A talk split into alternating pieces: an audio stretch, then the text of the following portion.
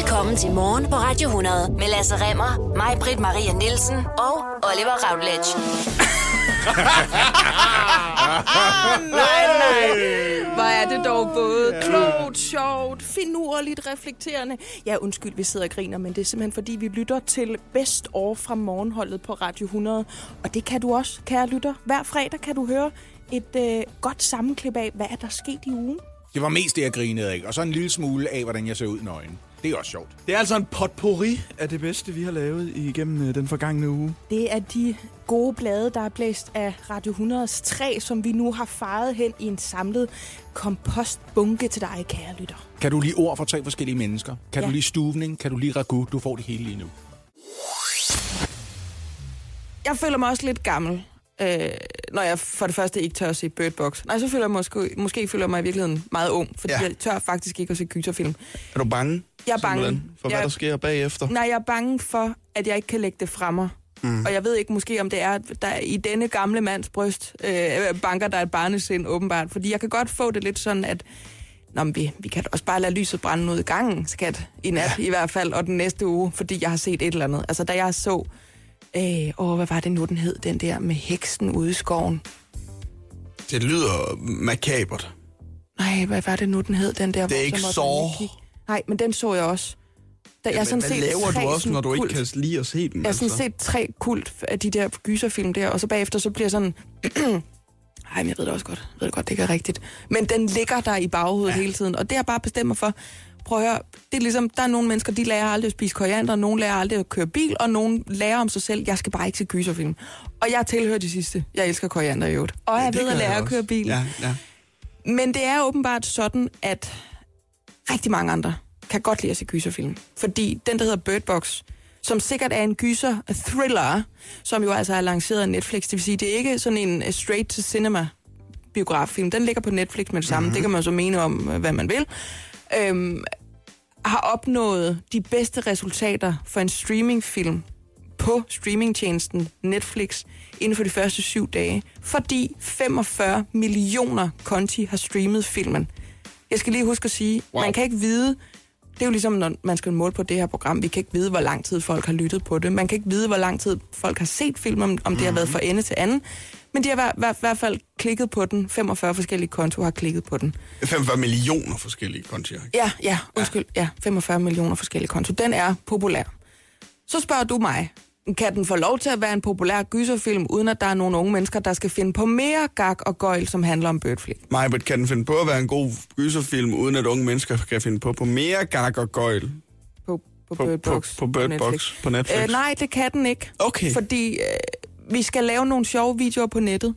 Og det skal være, hvor vi bruger den præmis, der er i Bird Box. Og det er jo altså den her dommedagsfilm, hvor hvis man øh, ser frem for sig i det her lille udtømte lokalsamfund, jeg skal lige skynde mig at sige, jeg har, jeg har jo ikke set den, for det tør jeg ikke, så bliver de monstre, man kigger på, til præcis det, man frygter. Og så bliver man enten selvmordstroet, ja, det er grov løg, det her, Oliver, mm. eller også så bliver man forkynder af den her øh, monstrøse øh, forgiftning af ens hjerne, hvis man ser det her. Det er derfor, man på alle reklamerne, så går Sandra Bullock rundt med to stakkels børn, og de har alle sammen bind for øjnene, eller de sidder i en båd, der sådan vipper ude på en et toge, øh, sø, og hun siger sådan, don't look children, og sådan noget. Fordi hvis man kigger, så ens værste skræk, den manifesterer sig foran en selv. Derfor er der så unge mennesker, der siger, lad os tage den præmis og give os selv bind for øjnene, imens der er så en storbror for eksempel, der står og filmer, at vi laver ting og sager inde i vores hus, eller ude i vores have, eller ude på gader og stræder. Ja. Og der føler jeg mig bare gammel igen. Og Netflix føler sig også gammel, fordi de er nødt til at skrive på Twitter, We can't believe we have to say this, but please do not hurt yourself with this Bird Box challenge. We don't know how this started, and we appreciate the love, but please, we have one wish for 2019, and it is that you do not end up in the hospital due to memes. Altså, på grund af, at man skal lave en trend på nettet. Ja, og det er jo fuldstændig vanvittigt det her med, at man skal lave trends ud fra ting og sager. Det har før været sangen, og nu er det jo så åbenbart gyserfilm, der er det nye sort. Jamen, nogle gange er det på grund af en eller anden sygdom. Der var jo for eksempel als og den der Ice Bucket mm. Challenge, og andre gange så er det, at man skal stige ud af sin bil, imens den langsomt kører hen ad vejen og danse. Og nu er det så, at man skal efterligne en rigtig populær gyserfilm fra Netflix, hvor man skal tage bind for øjnene. Gud, var det godt, de ikke har set det nye fra Lars von Trier, mand. Hvad?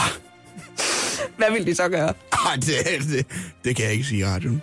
Men det er meget farligt. Kom nu, Lars. Og Vi man ved, du kan. Vi ved, du kan.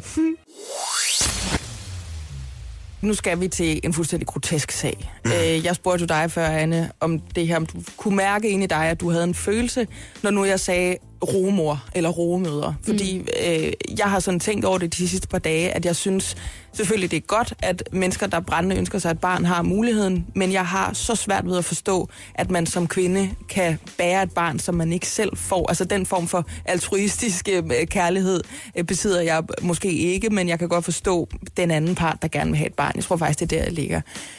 Men det er kun den følelsesmæssige side af det. Fordi der er også en juridisk side. Hvordan stiller man sig, hvis ens barn kommer ud af en anden kvinde, og man måske ikke engang selv er biologisk indblandet? For det kan altså være tilfældet, hvis man bruger en romor.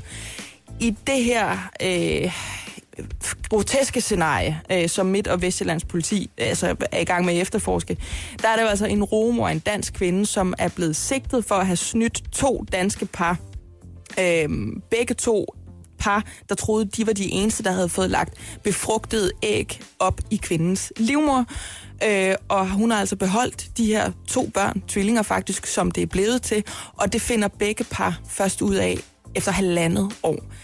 Øh, de ved ikke noget om hinanden, de ved ikke, at de altså med få dages mellemrum, har fået lagt de her æg op. Det har de gjort på kyberen. Det ene, den ene kvinde i det ene par har selv lagt æg til, det vil sige, biologisk var det forældrepar 100%, altså et match med det barn, de ville få.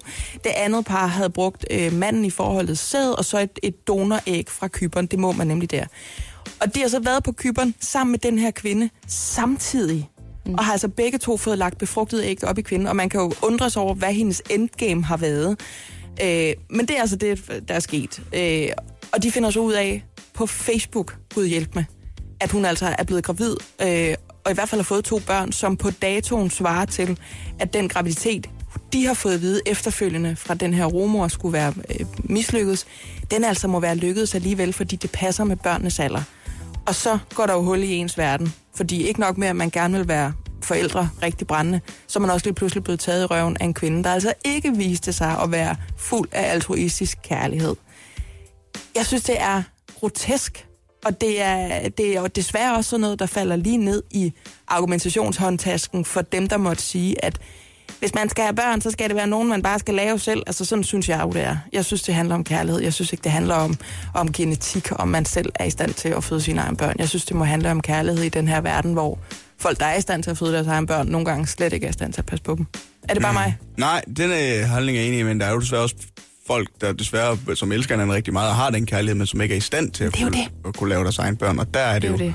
med rumøder en, øh, en god ting, synes jeg. Ja. Altså, men det er sådan en blanding af følelser og jura, ikke? Altså, reglerne for rumøder i Danmark er sådan, at det er lovligt at være rumor og altså bære et barn for andre, men kun hvis det ikke er sker af altruistiske årsager, altså de her uennyttige. At man, man gør det ikke for sin egen skyld, man gør det vildt kun fordi man mener, jeg vil hjælpe dig. Ja, en god gerning. Ja, præcis. Mm. Og man må altså ikke øh, annoncere, hedder det. Man må ikke sige, øh, i dag er der tilbud på befrugtet æg op i min livmor. Man må kun ligesom øh, finde ud af det mund til mund, kan man nærmest sige. Det vil sige, det skal altså være nogen, man kender, og nogen, der ikke vil have betaling for det. Sådan forestiller jeg mig, at det må være i praksis. Ikke? Mm. Øh, og det er heller ikke lovligt for sundhedspersonale at inseminere en rumor, så hun kan blive øh, gravid. Men det er altså lovligt at rejse til udlandet, ulandet, udlandet for at benytte øh, en romor øh, som altså et land, der tillader det her. Og det kan så for eksempel være på Kyberen. Ikke? Øh, og der bliver man så assisteret i den her øh, reproduktion, som det hedder, med, med en romor, som man selv medbringer, eller som kan være øh, fra Kyberen. Øh, og hvor sundhedspersonale altså udfører den opgave øh, fuldstændig som hvis det havde været herhjemme. Mm. Men det er jo, øh, hvis man skal spekulere lidt i, og det må man gerne i det her program, øh, når vi ikke laver nyheder, mm. hvad, hvad øh, intentionen har været for den her kvinde, fordi der kan jo være to scenarier. Hun kan jo rent faktisk, hende der er rumor, hun kan jo rent faktisk have haft en god intention med det her. Hun gerne vil hjælpe Ja. altså et par, øh, et barnløst par med at få den her drøm opfyldt om at blive forældre. Ja, det er det, hun har sagt til dem i hvert Det er fald. det, hun har sagt til dem. Øhm, og så da hun så har stået med de her, øh, den her positive graviditetstest, eller sådan, og lige pludselig skiftet mening, hvor Ja. hun har tænkt, ej, det, det kan jeg simpelthen ikke, og nu Nej. er der liv inde i min krop, og nu er det noget andet, apropos de følelser, du selv talte om lige før Ja, ja. Altså sådan, så er det måske gået op for, at hun ikke kan det. Ja. Øh, den anden er jo, at det simpelthen har været en, en dårlig intention fra starten af. At hun havde en, en plan med det her om at beholde de børn, der nu måtte komme ud af det selv. Ja. Det er jo det, som efterforskning her forhåbentlig skal komme til at klarlægge, ikke? Ja, fordi ofte så synes jeg nemlig, det handler om, at det kan være noget med penge. Mm. Men hun har ikke fået altså et beløb for at gøre det. Hun har fået dækket sine udgifter. Mm. Det flugter jo meget godt med, med de der øh, regler, der er i Danmark om, at du må altså ikke sige, at det koster 500.000, eller hvor, hvor meget det nu er. Det er jo også skide dyrt at adoptere, for eksempel. Så de her mennesker, der altså brændende ønsker sig et barn, er jo parate til at lægge store summer. Men hun har så bare fået dækket nogle udgifter, som var falske høje, har man fundet ud af. Mm. Der er meget mere at snakke om i den her spektakulære sag. Der er kommet en, en fuldstændig mærkværdig sag ud, øh, som kører i, i retten i øjeblikket omkring en kvinde, som har snydt to forskellige forældrepar øh, med sine rumøder, øh, egenskaber, eller hvad man, hvordan man lige skal, skal kalde det. Sådan nogle rumøder og egenskaber. Ja, altså, den, øh, det bliver i hvert fald efterforsket nu af Midt- og Vestjyllands politi. Og det, der er altså, omdrejningspunktet, det er jo det her med, vi accepterer i en altruistisk udstrækning, altså i en uegennyttig udstrækning, at kvinder øh, mod ingen betaling øh, bærer børn fra andre i Danmark. Mm. Det vil sige, at i praksis vil det typisk være en ven, eller måske en søster, eller en mor, eller hvad søren ved jeg, der skal bære øh, det her barn, som man altså ikke selv er i stand til at få. Og så bliver der sat øh, enten et donoræg, eller egne æg, og donorsæd, eller egen sæd op i den her øh, tredje part, kan man sige, øh, til forholdet. Men øh, den her sag, som jo altså er en dansk kvinde, der har formået at snyde to par på én gang, ved at med få dages mellemrum få sat befrugtede æg, øh, initieret af begge disse par, op i sig øh, på kyberen under en fuldstændig planlagt... Øh, hvad kalder man sådan noget, andagt nærmest. Det har jo været kæmpestort for de her to par. Øh, hun har altså formået at blive gravid med det ene par, og det var med et, et donoræg, og så mandens sæd, og det finder de ud af efter halvandet år ved, at de kan se, at kvinden har fået tatoveret fødselstidspunktet for det, der skulle blive til tvillinger på sin krop på Facebook. Altså, de finder ud af det på Facebook. Det er jo fuldstændig vanvittigt. Og det, øh, altså, så, så blæser man selvfølgelig til start til, at vi skal have snakken igen om rommøder. Og der er altså lidt dele, øh, delte meninger øh, inde på Slottsholm omkring, hvad det her det skal ende ud i. Øh, fordi for eksempel Dansk Folkeparti øh, og sundhedsordføreren, hun hedder jo Liselotte øh, Bligt, hun siger, øh, det er ikke en menneskeret at få et barn, og det her, det synes jeg ikke giver anledning til, at vi skal se på lovgivningen i forhold til rumøder. Øh, vi ønsker ikke at ændre den, så det bliver nemmere at få øh, rumøder i Danmark. Øh, Liberal Alliance, de ser helt anderledes på det. De siger, at rumøder er en rigtig god idé, fordi vi på den måde kan hjælpe flere ønskebørn til verden på en tryg øh, og ordentlig måde. Øh, og så er der altså til sidst øh, nogen fra Socialdemokratiet, faktisk denne nogen hedder Flemming Møller Mortensen, og han siger, øh, han siger at øh, de her partier, de skal altså huske, at den svage part, det er romoren. Mm. Det vil sige, det vi snakkede om før, Anne, med, hvorfor er det, man gør det her? Er det på grund af penge? Er det på grund af, altså, at man er, gør en god gerning osv.? Mm. Det kan blive en, en trykstang på kvinder, der måske kan tilbyde det, ligesom når vi snakker om det her med organdonation for eksempel. Det skal ikke være noget, man, man må ikke handle med sin krop på den måde, fordi øh, svage, udsatte mennesker, der er i en eller anden situation, kan blive presset til at tage en beslutning, de ellers ikke ville have taget. Men jeg ved ikke helt, hvad jeg tænker. Jeg kan jo godt lide at tænke, at mennesket er stærkt og fornuftigt og kan tænke selv, men jeg ved jo også godt, at verden kan se anderledes ud, især steder, hvor man kan blive meget presset. Altså, vi, vi er jo et sted, hvor øh, udsatte kvinder rundt omkring i verden for eksempel sælger deres hår, eller donerer æg, eller mænd, der donerer sæd, eller hvad det nu måtte være. Det, det accepterer vi jo, at vi sådan bytter med hinanden på den måde. Men jeg tror måske, og jeg er, svær, jeg er svær på den lidt, fordi jeg er jo mega subjektivt. Jeg sidder jo også selv og er en kvinde i den fødedygtige alder, og som Anne også sagde, når man står der, der måske er to streger, og man godt ved, det er et andet par barn, man bærer i sin krop, at så kan man måske skifte mening. Men jeg kan simpelthen ikke finde ud af, hvem der er den svage part i det her. Om det er dem, der ikke selv kan få børn, øh, og det er derfor, at dem, der er den svage part i forhold til en kvinde, der har alle fordelene, fordi det er hende, der kan styre processen, eller om det er kvinden, der bare må aflevere det her barn bagefter. Jeg tror, jeg spiller på det hold, at det er dem, som ikke kan få børn, og som dermed søger hjælp hos en rumor, der er det svage part. Altså det, sådan Ja. kan jeg mærke ind i mig, at det er der, jeg føler, at At du føler mest med dem. ja, det gør jeg. Ja. Øhm, og det kan godt være, at der er andre, der har en, jeg synes noget helt andet, og det er også synd for rumoren, men jeg synes godt nok, det er synd for de forældre, som er i en situation, hvor de ikke er i stand til selv at kunne lave det barn, som de ville elske, og en værne som, som, som værne deres eget. Så derved går til en rumor, og rumoren så derefter vælger at Tørre dem i røven simpelthen. Altså tage røven fuldstændig. Fuldstændig. Men det er jo sådan punkt et. Altså det er udgangspunktet der. Det er fandme synd for mennesker, der så brændende ønsker sig et barn sammen, og nogen prøver i overvis, og det bliver aldrig til noget. Og så er der andre mennesker, som øh, knap nok gider opføre sig ordentligt over for hinanden, som skider unger ud. Ja, nu sagde jeg det bare helt grimt. Ja. Men jeg tror også, det er fordi, jeg, at det, jeg, jeg kan jo nemmere associere mig med den kvinde, der skulle være rumor, tror jeg, fordi jeg ikke har prøvet den der desperation i min krop efter at få et barn. Men jeg tror, det er noget, vi vil blive ved med at tale om, det her med, hvordan får vi børn. Der er jo også hele debatten omkring solomødre, solofædre og homoseksuelle par, og nu er der altså også folk, der er infertile, enten sammen med hinanden eller, eller hver for sig.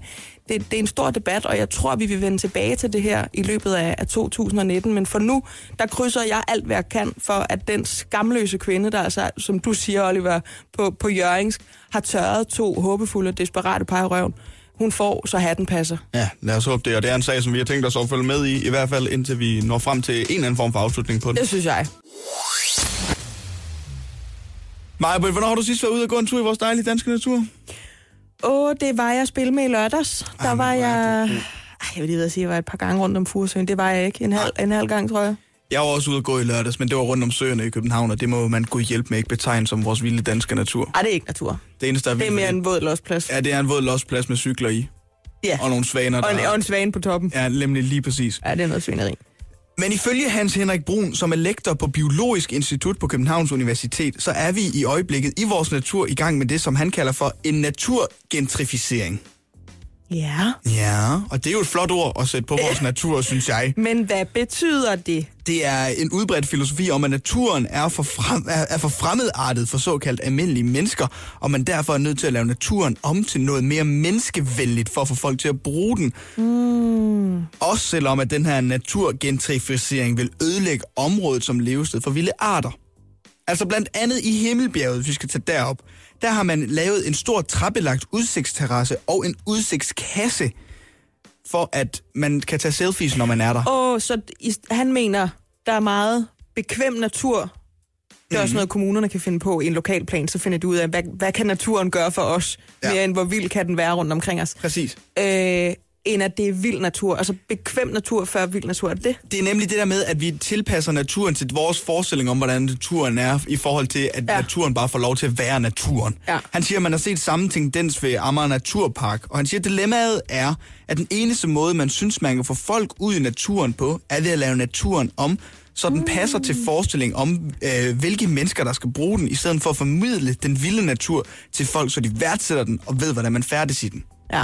Så altså det her med, at vi skal have selfie-terrasser. Må jeg gætte? Ja. Det, det kan han ikke lide. Nej, det bryder han sig ikke så meget om. Nej. Det Han ville hellere have en bjørn, der var ved at rykke hovedet af en fisk i stedet for. Det ville være meget bedre. Som vi jo ville have, hvis ikke vi havde anlagt så mange græsplæner og asfalterede områder. Men han er i hvert fald sur på Skanderborg Kommune øh, med den her helhedsplan for udvikling af Himmelbjerget som en turistattraktion Ja. i forhold til Himmelbjerget som en naturattraktion. Men jeg tror da også, altså sådan noget, hver gang man anlægger, øh, vi, skal jo også, vi er jo også nødt til at runde de der ni holme der, som regeringen har... Altså, Det, det skal vi have rundet den her morgen også. den, den, gik, den gik i breaking, efter vi var færdige med at sende i går. Men der ved jeg bare, at der kommer sådan en, også fordi man vil jo gerne gøre det til sådan en grøn omstillingsø-klump, man Ja. laver der til sådan ni Mhm. grønne klumper, ikke? Jeg ved bare, der kommer, der kommer noget, de kalder vilde områder, eller fordybelseshaveområder, eller få naturen ind på kontoret, eller sådan noget. Og det har ikke en fed skid med natur at gøre. Det der, det er ikke natur, det er en stor potplant. Ja. Det er en flad, flad potteplant, du har uden for dit vindue. Natur, det er, øh, når du nærmest ved at far vild ved Råbjerg Mile, og det, det er nærmest ikke engang natur. Du ved, du har mig. Det ved Theresa May altså ikke helt om alle parlamentarikerne i hendes underhus i underhuset i øh, Storbritannien i England. Øhm, Har. har. Ja. Brexit. Øhm, kan du huske, hvad det er? Det handler sådan noget om, at... Har du hørt om det? Ja, jeg er glad for det med sødmælk og sukker på. Ja, tak. Den britiske premierminister, hun bør helt udelukke, at Storbritannien kan forlade EU uden en skilsmisseaftale. Sådan lyder det i hvert fald ifølge Sky News fra flere end 200 britiske parlamentarikere fra fem forskellige partier i et brev til Theresa May. Ja. Frygten det er, at en no, en no-deal Brexit vil ramme den britiske økonomi hårdt, og ikke mindst gå ud over landets fremstillingsindustri. Og det vil dermed blive et stort problem for virksomheder, som blandt for eksempel har filialer andre steder ude i Europa. Mm. Bønden den lyder derfor på, at det bliver svært, nærmest umuligt at investere i den britiske fremstillingsindustri, hvis landet altså forlader EU uden en aftale. Ja.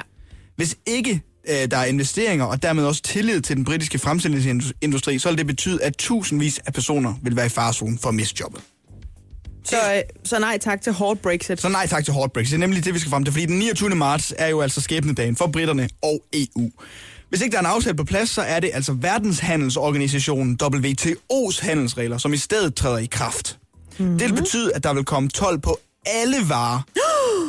Ja, og det strammer altså godt de, uh, det skræmmer godt de her 200 Strammer? parlamentarikere.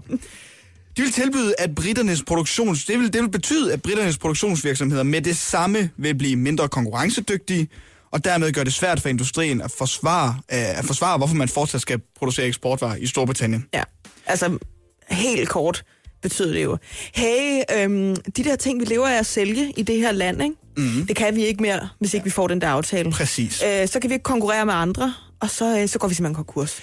Det er øhm, en tidligere konservativ minister, Caroline Spellman, øhm, som sammen øh, med Jack Dornitz fra oppositionspartiet Labour har været hjerneren bag det her brev til Theresa May. Mm. I går, der mødtes en del af de 650 parlamentarikere, som der altså er i underhuset, i Downing Street 10, for at snakke med May om skilsmisseaftalen, som hun har forhandlet på plads med EU-landene. Det var jo en aftale, som der skulle have været underskrevet i december måned, men Ok. efterfølgende blev udskudt på grund af uenigheder i det engelske politiske underhus. Ja. Aftalen skal altså sikre, at britterne forlader EU under ordnet forhold, og de britiske parlamentarikere skal først blåstemple den, før den kan træde i kraft. Mm-hmm. En af de store øh, benspænd, der har været for Theresa May, ja. det har været den her øh, backstop-aftale. Ja. Backstop-aftalen, det er altså den nordiske backstop, som stadig er det store brandpunkt for aftalen.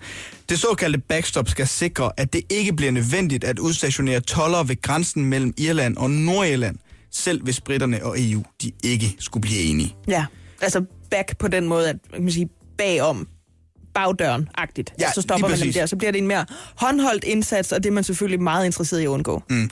Tanken det er egentlig, at EU og Storbritannien i tiden frem til udgangen af 2020 skal enes om en frihedsaftale, som er så omfattende, at varer frit vil kunne bevæge sig mellem EU og Storbritannien uden behov for tollere, som kontrollerer varer ved grænsen mellem Irland og Nordirland. Altså, backstop. Backstop, lige præcis. Og det er altså det her backstop-aftale, der stadigvæk er knudepunktet i øh, Brexit-forhandlingerne, og den her underskrift, som skulle have været i hus for længst. Der er stadig nogle dage til at få den her altså, underskrevet, men der er bare, altså, Men det er jo ikke fordi, de har jo ikke, altså, de har jo ikke skrevet noget i det her brev. Altså, jeg ved ikke, om de, hun har fået et papirbrev. Det er jo så dejligt at få brev. Mm. Der er jo ingen, der skriver et rigtigt brev mere. Og det kan være, måske det er det, de tænker. Hvis nu vi prøver at skrive det ned, og så underskriver vi os, så, send, så sender vi det rundt. Ligesom når man er 10 mennesker om at give en bryllupsgave, så skal alle skrive på kortet. så kan det være, hun tager det mere seriøst, for der er jo ikke, der er jo ikke noget af det her, Theresa May ikke ved. Nej, der er nemlig ikke. Og ifølge BBC's oplysninger, så vil den her afstemning om det nye, altså øh, forhandlinger, som skulle have været i december, finde sted 15. 15. januar. Mm.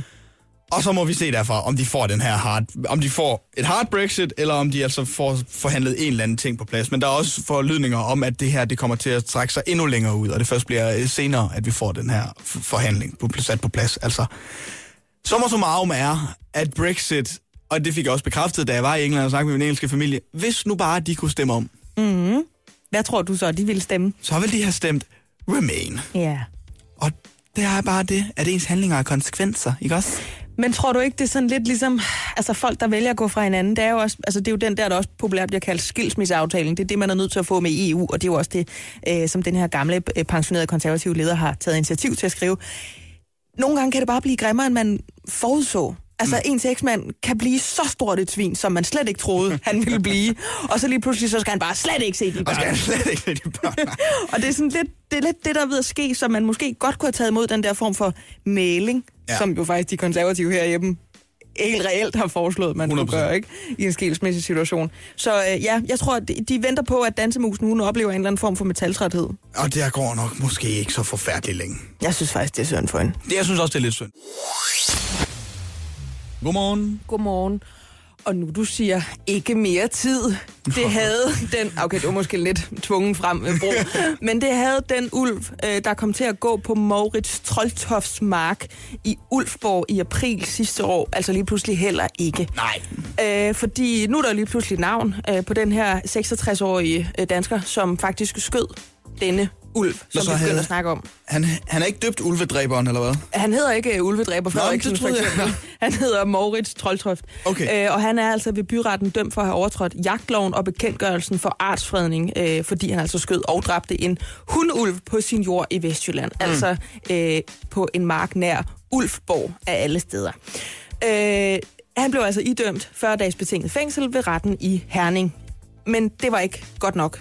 Fordi hans forsvar siger, nej, det, det skal han ikke have det her. Altså betingelsesfængsel, det er jo, hvor man ikke kommer i fængsel, men så får man 40 dages straf. Og man skulle til at overveje, skal den her mand overhovedet have jagttegn? Nu skal der ske noget mere. Fordi anklagerne siger, jamen det, det er for mildt. Vi, vi vil have noget, der, der er endnu vildere. Det skal være endnu vildere. Og ved du, hvorfor man gerne vil det, Oliver? Øh, nej, fordi jo, fordi den skaber præcedens. Ja! Ja, tak. Det er lige præcis det. Det her det er jo, bliver jo signifikant, fordi mm-hmm. hvis vi skal til at vende os til, at ulven åbenbart bare går frem og tilbage over landegrænser, de er jo fuldstændig ligeglade, om, det er, om de hedder Los Loppers, eller om de hedder øh, danske ulve herhjemme. Så skal vi have en præcedens, så skal vi have noget, noget domspraksis for, hvad må man stille op her. Ja. Øhm, og derfor skal den altså prøves i øh, Vestre Landsret. I Vestre Landsret I kommer... Vestre Landsret. Og hvad, øh, altså, hvad, hvad er hans forsvar? Fordi når han allerede er blevet dømt for til 40 dages betinget fængsel, altså hvordan kan han så anke den og så tænke, at det kommer til at gå bedre den her gang, når jeg kommer i Vestre Landsret? Altså er det fordi, han ikke mener, det er en... Ja, jeg ved snart ikke hvad. Jamen, han mener ikke, at, øh, at det er rigtigt af en ulv. Han mener ikke, det er en ulv, han har skudt. Det er... Det, Så de det er der helt- der blev lavet, der sagde, det var en ulv, det er ikke en ulv, eller hvad? men det betvivler ham og hans forsvar altså lidt. Mm. De tror, det er en hybrid. Fordi hvis det er en hund, En bil, eller hvad siger En hybridbil? jamen nej, en hybrid ulv. Fordi hvis nu der er en lille smule hund, tamhund, det, det er det, jeg kan læse mig frem til. Det er ja. ikke mig, der har fundet på det fagudtryk, men en tamhund. I denne ulvs DNA, så er der pludselig helt andre øh, regler for, om man skal artsbevare den. Det vil sige, man må ikke regulere den. Eller det er helt, altså bare sagt Men- rent ud, man må ikke skyde den. Jamen, fordi ulven i Danmark er fredet. Mm-hmm. Men det er noget andet, når vi ser en hybridulv. Hvis den er kysset med en labrador, så må du gerne plukke hovedet af den. Fordi så er det ikke... Ej, det var også grimt sagt. Men så er det ikke en ulveulv. Så er det en hundeulv, eller en ulvehund, eller hvad man skal sige. Ja, tak. og, så, og så er den altså ikke beskyttet mere. Og så er den ikke øh, øh. Okay. Og det er jo faktisk sådan, altså det, der er mange, der ikke ved det, men hvis, man skyder, hvis du skyder din nabos hund herhjemme, så skal der virkelig være grove omstændigheder for, at der rigtig sker noget, ellers så tæller det som herværk. Det må... Det, Fordi en hund er ejendom. Det, kan, Glem, hvis du er træt af din nabos hund og Det har lyttet med ja, ja. de 10 sekunder, så glemmer du lige det. Det var ikke en opfordring. Nej, det var tak. sådan en, det synes jeg faktisk ikke er særlig fedt. Altså, jeg er den Nej. største hundeelsker ever. Men, men det er derfor, det, det er derfor, at det virker, øh, kan man sige, lempende, hvis der er noget hund i denne ulv. Mm. Men, men så vidt jeg kan forstå også, så har øh, ulvedræberen, som havde fået et navn nu, der, der kommer simpelthen også en dokumentar om ham i aften på TV2. Altså, Det gør der, og det er jo også derfor, at de ligesom er begyndt at dryppe ja. øh, nogle små citater fra det, og han, han bliver spurgt, "Men fortryder du, du har skudt den her ulv, og nu lige pludselig er der jo meget opmærksomhed, og han ved jo godt, det har hans forsvar selvfølgelig forklaret ham, du kommer til at danne præcedens for det her ulveskyderi, det er du med på, ikke Ja. ja. Og siger, nej, jeg ved det ikke, og jeg er jo også, man må tage følgerne af, af sin valg, og det, det gør jeg nu. Ja, det gør du så ikke helt, fordi du, du, du anker jo, du anker man, kan man sige. Men, men, øh, men, men ja, det, du har jo så fået konfiskeret din riffel. Det jeg tror, Moritz Tolstof, han er allermest træt af, det er, at han er blevet udelukket øhm, fra øh, Danmarks Jægerforbund. åh, han har mistet sit jagttegn. Det har han nemlig, altså han er, han er blevet ekskluderet. Øh, og det er simpelthen en forening, øh, som jo tager udgangspunkt i forbundets vedtægter. Øh, og det her grundlag for ekskludering, det fandt man altså, det var fuldstændig opfyldt. Så øh, Moritz Tolstoft, han er ikke længere dansk jæger, og han må altså ikke bruge sin riffel, og den er jo også blevet taget fra ham. Godmorgen. Godmorgen. Oliver, det skal jeg være den første til at beklage, At du sagde godmorgen. at jeg sagde godmorgen. Eller at jeg lige fik et hosteanfald før, imens mm. vi hørte mø. Mm. Men en anden, der også skal være den første til at beklage, det var altså Christine Kortsen. Hun er politisk analytiker for DR. Hun har fået dummet sig lidt i kølvandet på statsministerens nytårstale, fordi hun har fået sagt noget omkring, ja, ja, men det er jo bare DF. De ville jo ønske, at vi levede i en tid, hvor danskerne så ud på den her måde. Den politiske holdning vil jeg sådan set ikke gå så meget ind i, fordi øh, altså, det det er jo ikke nogen nyhed, synes jeg, og den skal jeg nok selv tage, den her, at majoriteten af DR-journalister er revrede. De kan ikke Ja, det er ikke nogen de kan ikke lide borgerlige holdninger. De kan ikke lide holdninger, som er øh, fremmedfjendske i noget som helst format. Det er, hvad det er. Det, jeg godt kunne tænke mig at tale om, det er, hvis man er rigtig træt af krænkelser. Det er vi jo herinde i det her studie, for eksempel. Ja, tak. Vi gider jo ikke at høre mere om, at vi skal problematisere højskolesangbøger. Så tilhører man ofte og det er igen mig, der tager den her, den borgerlige fløj. Det var i hvert fald noget, jeg postulerede sidste gang, vi sad herinde. Man tilhører i hvert fald ikke den yderste venstrefløj. Mm. Det ved jeg heller ikke, om Christine Kors nogen gør. Men der er nogen, der har glemt, at hvis man gerne vil være stor i slaget, hvis man gerne vil vise noget er forkert, så må man ikke selv hoppe med på den, når ens modstandere kommer til at gøre det. Det vil sige, hvis man er træt af krænkelser, hvis man er træt af folk, der føler sig stødt, hver gang der er nogen, der formulerer en sætning uden at passe på, så må man ikke selv fejre blækhuset, når der er nogen, der får sagt, at danskerne har samme hudfarve som grisene. Nej, det er ikke helt den måde, man løser, øh, man kommer ud med sin bedste holdning på, vil jeg mene. Nej, det er ikke sådan, man viser, at man er træt af krænkelser ved selv at sige, hov, hov, du sagde, at vi havde samme farve som grise, og det kan jeg mærke. Når så er der nok dobbeltstandarder for, hvordan man må snakke om danskere mm. øh, med ikke anden etnisk herkomst, og danskere med anden etnisk herkomst. Hvor man jo bare burde sige, ja, og det var det dumt sagt, men ved du hvad? Der er så mange andre ting, vi kan snakke om. Så Christine Korsen, du formulerer dig sikkert bare på en anden måde en anden gang. Jeg gider i hvert fald ikke at diskutere det rigtig, rigtig meget. Men der var nogen, der godt gad at diskutere det rigtig, rigtig meget. Der var nogen, som... Måske var det nogen, der ikke var trætte af den her øh, krænkelsesperiode, vi lever i. Der var også nogen, der siger, at 2019 bliver krænkelsernes år. Hvad? Det var 2018 da. Jamen, jeg tror, at 2019 bliver vildere. Okay, så 2019 siger lige til 2018, nu skal du bare se. Og en af dem, der ikke er træt af det, som synes, vi skal have mere af det, som faktisk synes, at vi skal helt op på de højeste navler, det er en mand, der hedder Benny Sørensen. Han er jeg tror, du 30 skulle sige Henrik Marstal. Nej, ham, nej. Det, det må være oppositionen til det her sikkert. Han er sikkert farvet over en helt tredje ting. Vi slækker luder os frem til, hvad det kan være. For de er der faktisk politianmeldt, det her udsagn. Hvad? Christine Korsen, og det er. Hun er anmeldt for racisme, og nu citerer jeg, grundet hendes folkefjendtlige, racistiske og ekstremt politisk farvede kommentar. Hvordan kan man være meldt for racisme, når man siger noget om en generation, der er indeholder 6 millioner mennesker? Altså, så var hun racist over for 6 millioner, eller hvad? Ja, men jeg, jeg, altså udgangspunktet skal jo være, at det er dårligt at have samme farve som en gris. Ja, Så, men, men, hvor- altså, skal er vi snakke det? om, at nogle dyr er dårlige, og nogle farver er dårlige. Det tror jeg simpelthen ikke, jeg har udviklet den del af min hjerne, hvor den krænkelse, den skal sidde i. Så jeg kan ikke mærke det på min egen krop. Ej, jeg føler helt- mig overhovedet ikke krænket af det, Christine Kors nu har sagt. Det kan, det kan være, det er meget muligt. Det er faktisk rigtig meget sandsynligt, at jeg er uenig med hende politisk. Og jeg synes, at det var et dog, dumt ordvalg, fordi hun jo godt ved, at hun sætter ild til noget, når hun gør det her. Men jeg kan ikke mærke, at jeg har brug for politianmeldingen. Jeg kan mere mærke, at jeg har lyst til, helt ligesom Ingeborg Røde Mads Gjern til, at være stor i slaget og netop ja. demonstrere, vi gider ikke at brokke os over alting. Det var, det var noget fisk, du fik sagt der, men, men det er lige meget. Det gør ikke nogen stor forskel. Men det synes Benny Andersen altså ikke. Han siger, der er dobbeltstandarder. Og nu har det altså sagt, jamen, prøv at, det, det skal vi da beklage. Christine Korsen har også været ude at beklage. Men det får ikke som sådan nogen ansættelsesmæssige følger for Christine Korsen. Hun er stadigvæk ansat. Og så må jeg også lige sige, også til Benny Andersen og nogen andre, der skulle være i tvivl.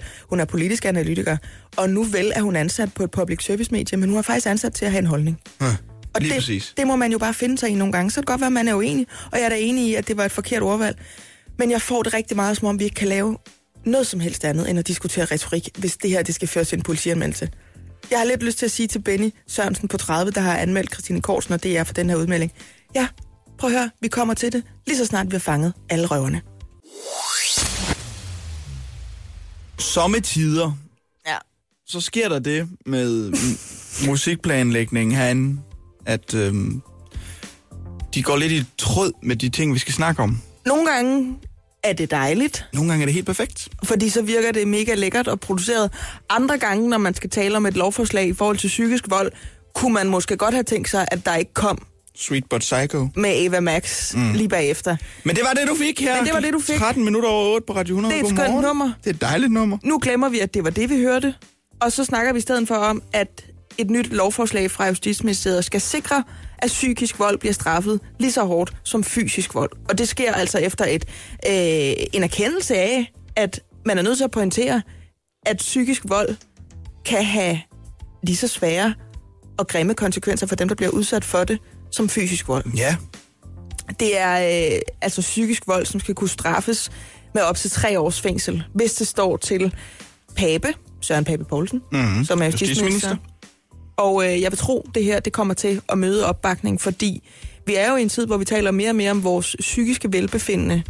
Vi taler også om stress og depression og angst og altså sådan mentale arbejdsskader og også øh, sociale øh, psykiske skader som aldrig før. Og heldigvis for det. Og heldigvis for det.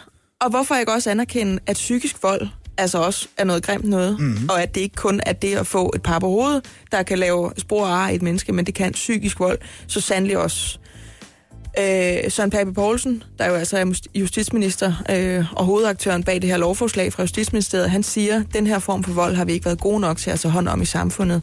Vi har set på de blå mærker, men vi har glemt de ar på sjælen, der måske stikker langt dybere. Og det synes jeg er en ret fin formulering. Ja, en rigtig fin fordi formulering. et blåt mærke kan jo altså også sidde på indersiden. Og det har det med at vare i længere tid, tror jeg, end de blå mærker. Det er klart, der er ikke noget af det, der er behageligt. Men jeg tror, det er sværere at sætte en finger på den psykiske vold. Måske fordi man i virkeligheden selv er i tvivl om, hvornår er man udsat for psykisk vold.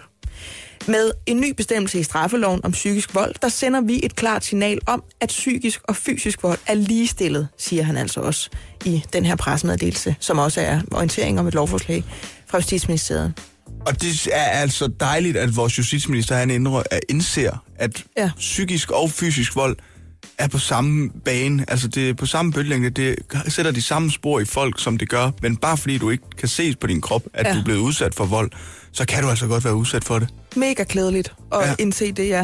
Øh, rent konkret så går det her forslag ud på, at personer, der i en periode udsætter andre med tilknytning til deres husstand for groft nedværdigende, forulæmpende eller krænkende handlinger, skal kunne straffes med fængsel i indtil tre år. Og direktøren i foreningen Danner, der jo altså arbejder for at hjælpe voldsramte kvinder og børn, hun hedder Lisbeth Jespen, og hun er rigtig, rigtig glad for, at politikerne endelig tager affære.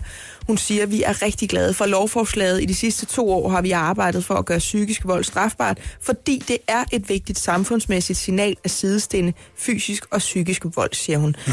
Og øh, hun har stor tiltro til, at politiet kan løfte de mest alvorlige sager, og det skal være med til, at der nu kan blive rejst tiltale i de særligt alvorlige sager, siger hun.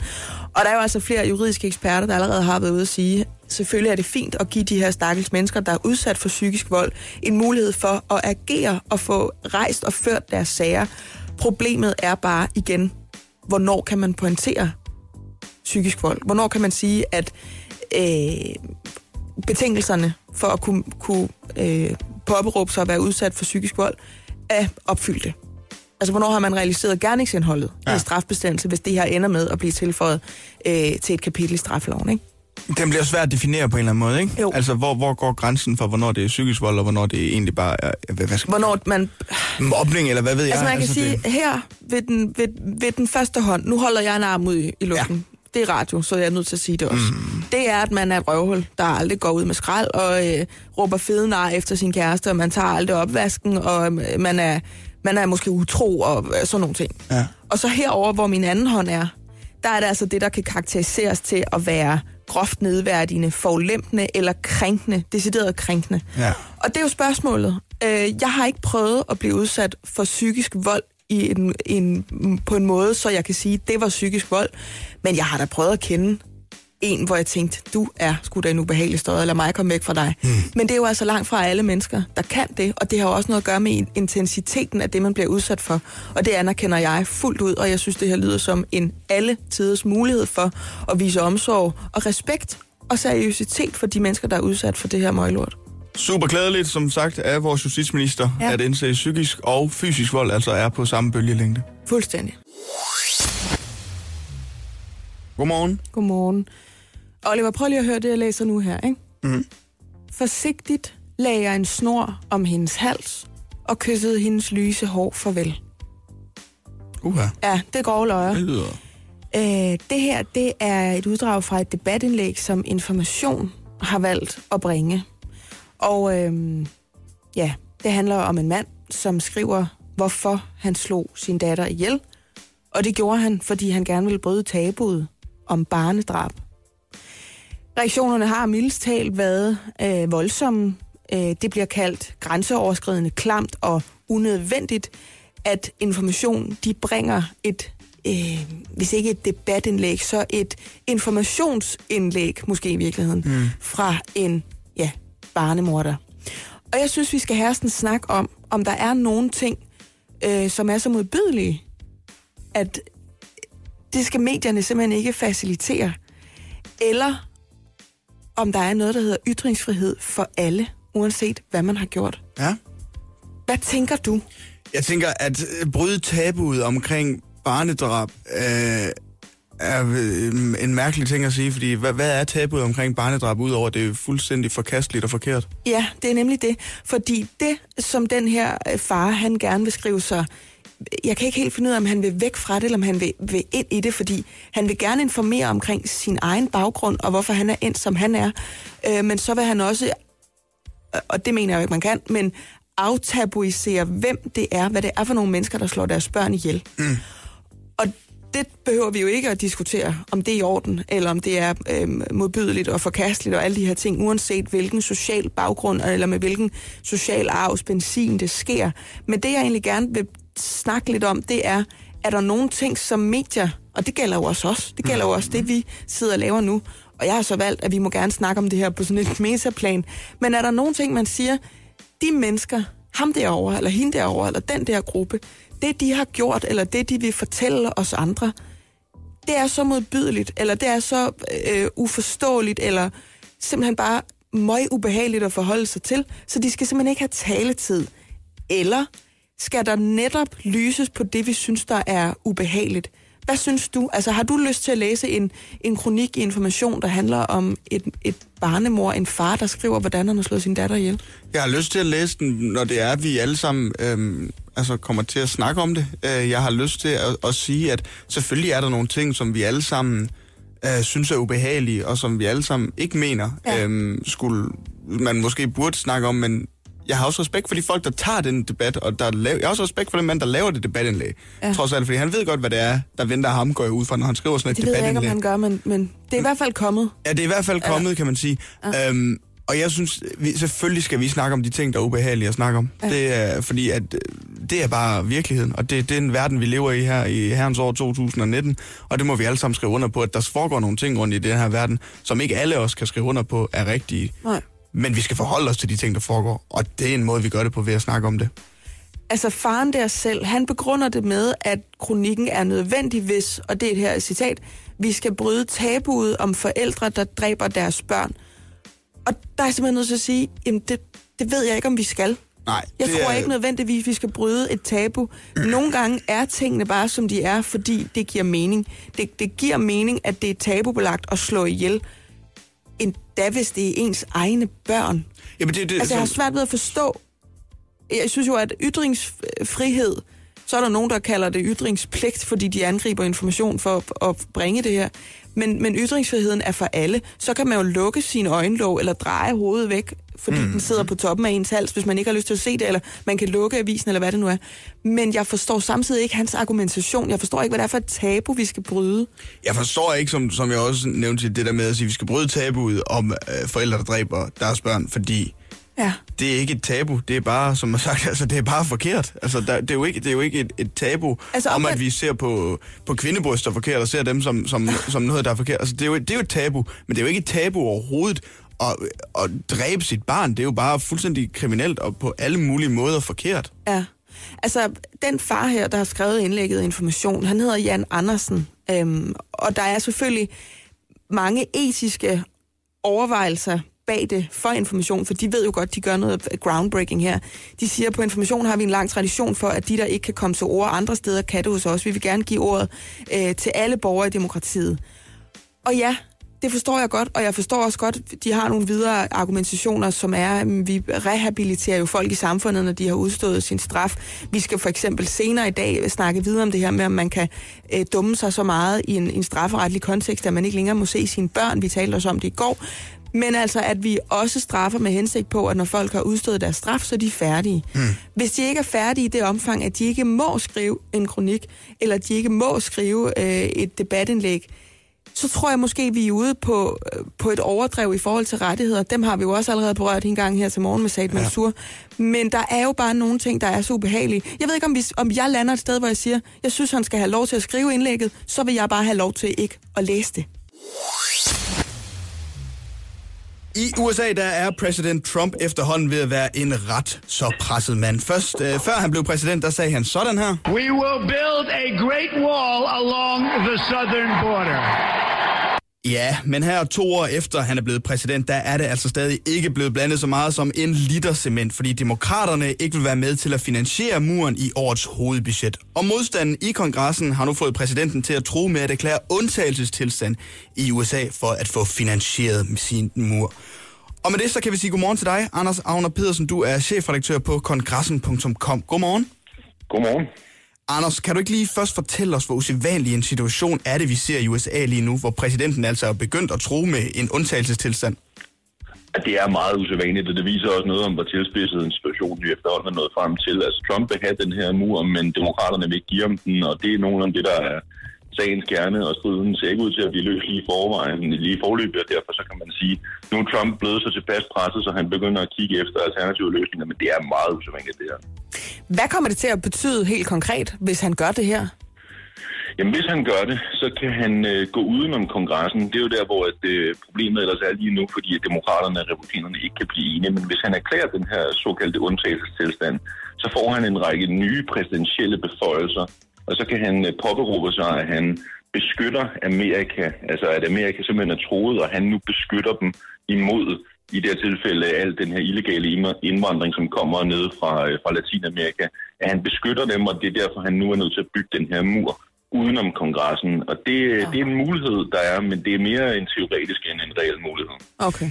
I aftes der endte Trump altså med at udvandre af et møde med topdemokraterne Nancy Pelosi og Chuck Schumer, selvom de skulle forsøge at få øh, genåbnet statsapparatet, der lige nu øh, be- betyder, at 800.000 offentlige ansatte ikke får løn på grund af det her budgetstrid om muren. Hvor ser du et øh, kompromis mellem parterne i kongressen, hvis det skal findes en løsning øh, uden undtagelsestilstand?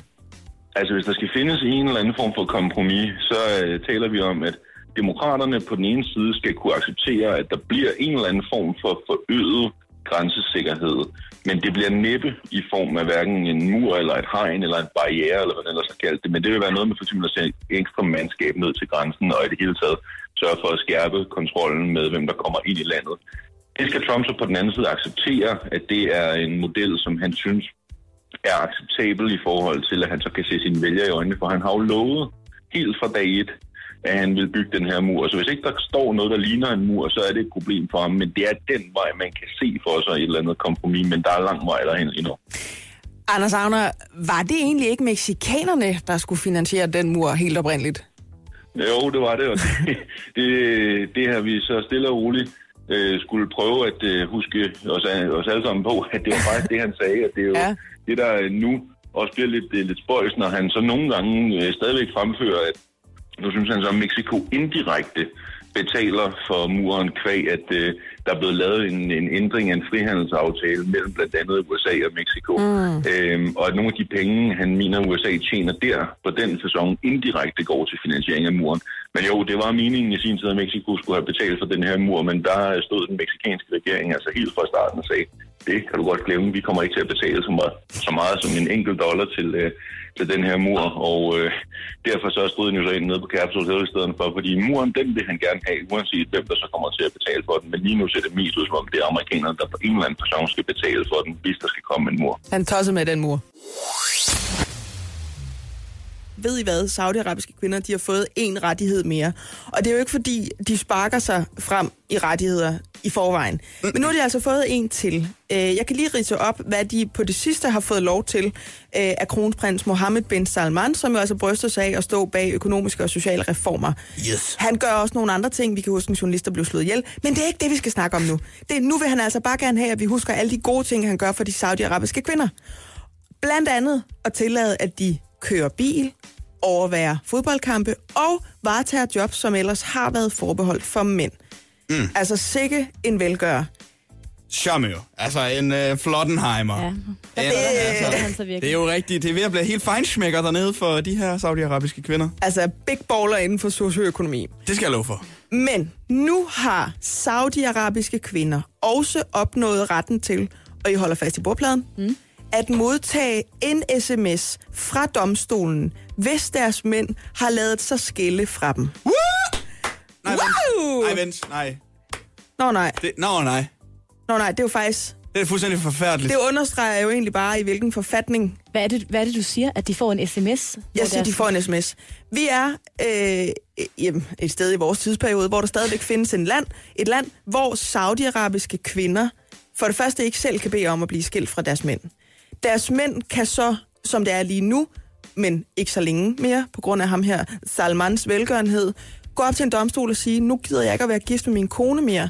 Det er ikke noget, jeg som sådan behøver at diskutere med hende, for hun har ikke nogen rettigheder til at modsætte sig det. Hvilket også vil sige, jeg skal ikke øh, bære hende økonomisk længere. Ah. Det vil sige, så har hun ikke længere rettigheder. Altså førhen har det jo været sådan, at hun, hun skulle ikke have de der jobs, som mænd har haft for eksempel. Der er heller ikke ret mange saudiarabiske kvinder, der har levet de her klassiske, meget øh, strukturelle, patriarkalske forhold, der har haft deres eget arbejde. Så hvis deres mand ville lade sig skille fra dem, så stod de bare rigtig dårligt. Som i at, så havde de simpelthen ikke nogen penge. Mm. Skråstreg rettigheder. Men øh, det her ægtefællebidrag, det kan man så i det mindste lige få et hint omkring, at det nok er på vej væk, hvis ens mand har været en tur op ved domstolen og fået, øh, fået en skilsmisse igennem, uden at man simpelthen er blevet klar over det. Altså, det er simpelthen et tiltag, der skal sikre, at kvinderne beholder deres rettigheder, når de bliver skilt, uden at de ved, at de bliver skilt. Hvor er det flot. Alle hun sidder med åben mund. Ja, det, ej, det, Der er en advokat her. jeg har lyst til at sige, at det er flot, men det, det Jamen det er jo ikke, nej, og det er jo netop det. Det er jo sådan en, en, en god nyhed, men som bare lyser på den øh, pyramide af lort, den gode nyhed Åh, ligger det, er på. jo, Ikke? det er jo en nyhed pakket ind i lort. Ja. Altså, Ja, ja, det er kun en god nyhed, fordi der er så mange dårlige. ja, nemlig. Der er en advokat, der hedder Samia Al-Hindi. Det er altså en kvinde, der er advokat. Nå, fedt. øh, i Saudi-Arabien, som siger til den saudiarabiske avis Okas, at hun har kendskab til mange kvinder, der er blevet skilt uden at være klar over det. Simpelthen, Og fordi der opper vi lige serviceniveauet her. Så siger vi, hey søster, du nu er, får du i det mindste lige, der tækker lige en der får man sms din ind. sms. Ja. Ja, ja, ja, nu skal jeg ikke være ham der. Har, har de rettighed til telefonen? For ellers så er det her jo bare frit for dem. og Helt gratis at sige, I får en sms, men I har Skat, ikke... må jeg låne din telefon? ja, jeg skal lige Ligesom se, du om, har, om du har et stykke om skilsmisse. ligesom der er kommet noget fra den saudiarabiske e-boks til mig om, at du har været op på, på øh, dommerkontoret og fået en skilsmissebegæring i dag. Jeg ved, altså, nej, jeg ved, jeg ved det ikke. Altså, jeg vil tro, måske har de været der svarer til en Doro. Den kan nok ikke tage billeder. Sådan noget. Men det er i hvert fald det, den saudiarabiske øh, velgører af en kronprins Mohammed bin Salman, han øh, har forestået nu. Men saudiarabiske kvinder må så stadigvæk ikke rejse alene til udlandet, øh, åbne en bankkonto eller søge om et nyt pas. Den 31. oktober sidste år, der blev Anne Elisabeth Falkvig bortført fra sit hjem. Der er nu gået 72 dage, og Anne Elisabeth er desværre stadig ikke hjemme i sin families arme igen. Og med det, der kan vi sige godmorgen til dig, Michael Sjøberg. Du er ejer af rådgivningsfirmaet Human Advisor, som uddanner og rådgiver om menneskelige risici. Og så har du tidligere arbejdet med strategisk håndtering af højt profilerede gisseltagninger. Michael Sjøberg, først og fremmest, hvor vild en sag er det her? Jamen, det er en ret øh, exceptionel sag. Vi ser ikke ret mange af de her kidnapninger, øh, hvor folk bliver taget fra deres øh, hjem. Og dermed ikke sagt, at det, det, det opstår jo en, en gang imellem, men det er med mange års mellemrum, at, at vi oplever det i hvert fald her i, her i Europa. Og Michael, når man står i sådan en situation her, hvordan sikrer man sig så, at personen, man forhandler om, stadig, stadig er i live? Jamen altså, det kan man gøre på, på forskellige måder, men, øh, men det er i hvert fald en helt klar forudsætning for, at man kan, at man kan komme videre med sagen. Øh, at, at kidnapperne, de, øh, de, de gør sig umage for at løbende at vise, at øh, personen er i live og har det godt. Michael Sjøberg, en af de ting, der forundrede mig ved den her sag, det var, at det norske politi, de ventede hele 70 dage med at offentliggøre den her historie. Hvorfor er det en fordel for det norske politi at vente så lang tid? Jamen altså, man, man skal tænke på, at, øh, at det er sådan, at, at først og fremmest, så skal man jo passe på, på, den, på, på gislet eller den kidnappedes sikkerhed. Og øh, så snart at man vælger at gå i pressen med sådan en sag, så bliver det bare meget mere... Øh, der, der, der bliver flere aktører. Øh, man skal tænke på, at kidnapperne, de hører også nyheder, de hører radio, de ser, de ser tv og følger med i, øh, i, i medierne, og det er alt andet lige lettere, hvis man kan bare direkte øh, tale med, med, med hinanden øh, og, og holde det skjult på den måde. Det her, det er jo en uvandt situation i, i vores del af verden, men derimod noget, man ser i i højere grad i lande, for eksempel, for eksempel Sydamerika. Er der forskel på kidnapningsproceduren, hvis vi kan tillade os at kalde det det, når det har med at gøre med sådan en politisk kidnapning, frem for en som i denne her sag, hvor det tydeligvis kun er interesseret i penge? Øhm, jeg, vil, jeg vil sige, at, at der, der, der kan være øh, visse forskelle. Der er selvfølgelig nogle ting, der, der gør sig gældende øh, på tværs af alle de her sager. For eksempel det her med, at familien er, er rigtig bekymret og, og selvfølgelig meget stresset over, over, over sådan selve situationen.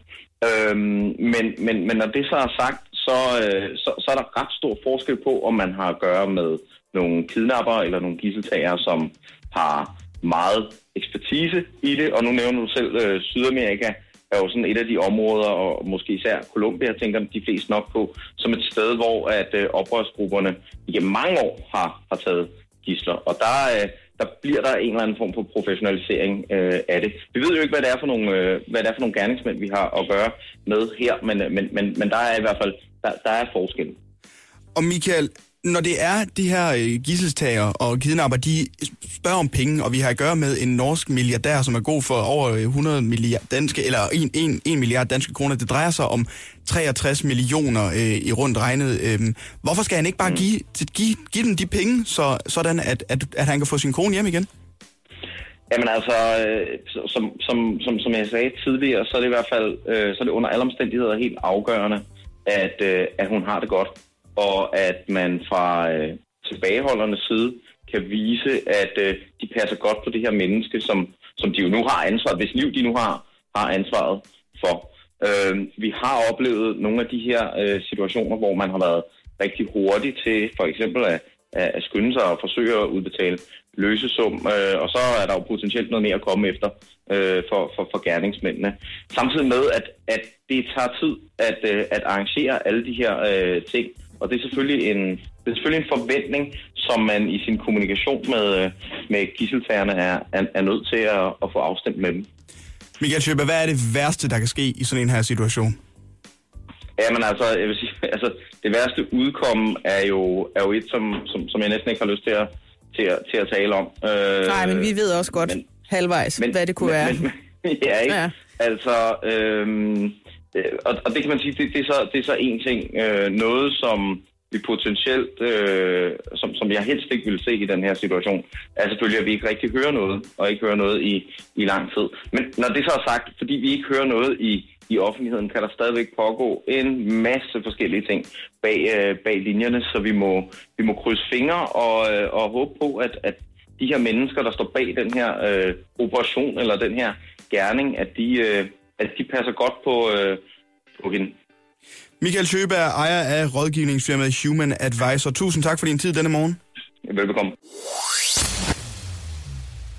Godmorgen, det er den tid på en fredag morgen, hvor vi jo nu skal til at derind Ej. i politikens forhold. Har du hvidvin med? Jeg har som altid hvidvin med. Jeg Super. har taget det øh, kulturelle halseklæde på. Mm, ja. Jeg kigger op på scenen. Du ser mig. Jeg ser mig, Britt Maria Stå Nielsen. deroppe. Ja. Klar med... I en form for øjelskinsjakke. Helt klar til at give jer ugens digt. Ja, tak. Det er fredag. Det er tid til at digte igen. Og det her er desværre ikke fiktion, min ven. I Norge savner en familie stadig deres hustru og mor. Ingen rigtig ved, hvor børnene fra faderhuset bor. Mm. Boghandleren blev forvist, flået bort og lukket inde. Næsten 100.000 kroner til et blåt fotografi, Pia Allerslev lige akkurat engang kunne finde. Danskerne har samme farve som grise. Det mener en public service journalist fra kanalen, der også sender her skæg og brødrene prise. Mm. Ja, den, den var god, den der. Ja, det var, Ja, den var du. knips herovre. Ja. Ny, ni, jo, ni nye holme i København står klar, når de voksne er blevet de gamle. Hvis man ikke vil retsforfølges, når man ser en ulv, man ved sit gevær skal lade være at famle. Det var ugens digt, og det skal vi være de første til at beklage. Men heldigvis er der X-faktor i aften, så vi får verdens fortrædeligheder i et par timer også kan læne tilbage. Hold nu op, mand. Ja, nogle gange er der bare ikke noget at grine af, og så er der ikke noget værre end lyden af folk, der prøver at grine af noget, der ikke skal grines af. Så det blev der ikke nu. Nej. Men jeg synes, det var finurligt. Jamen, det var, Det var sandheden, jo. velovervejet. Det var passende. Det, Det var, var når lige- sandheden destilleres og rimer. Morgen på Radio 100 med mig, Britt Maria Nielsen, Lasse Remmer og Oliver Routledge.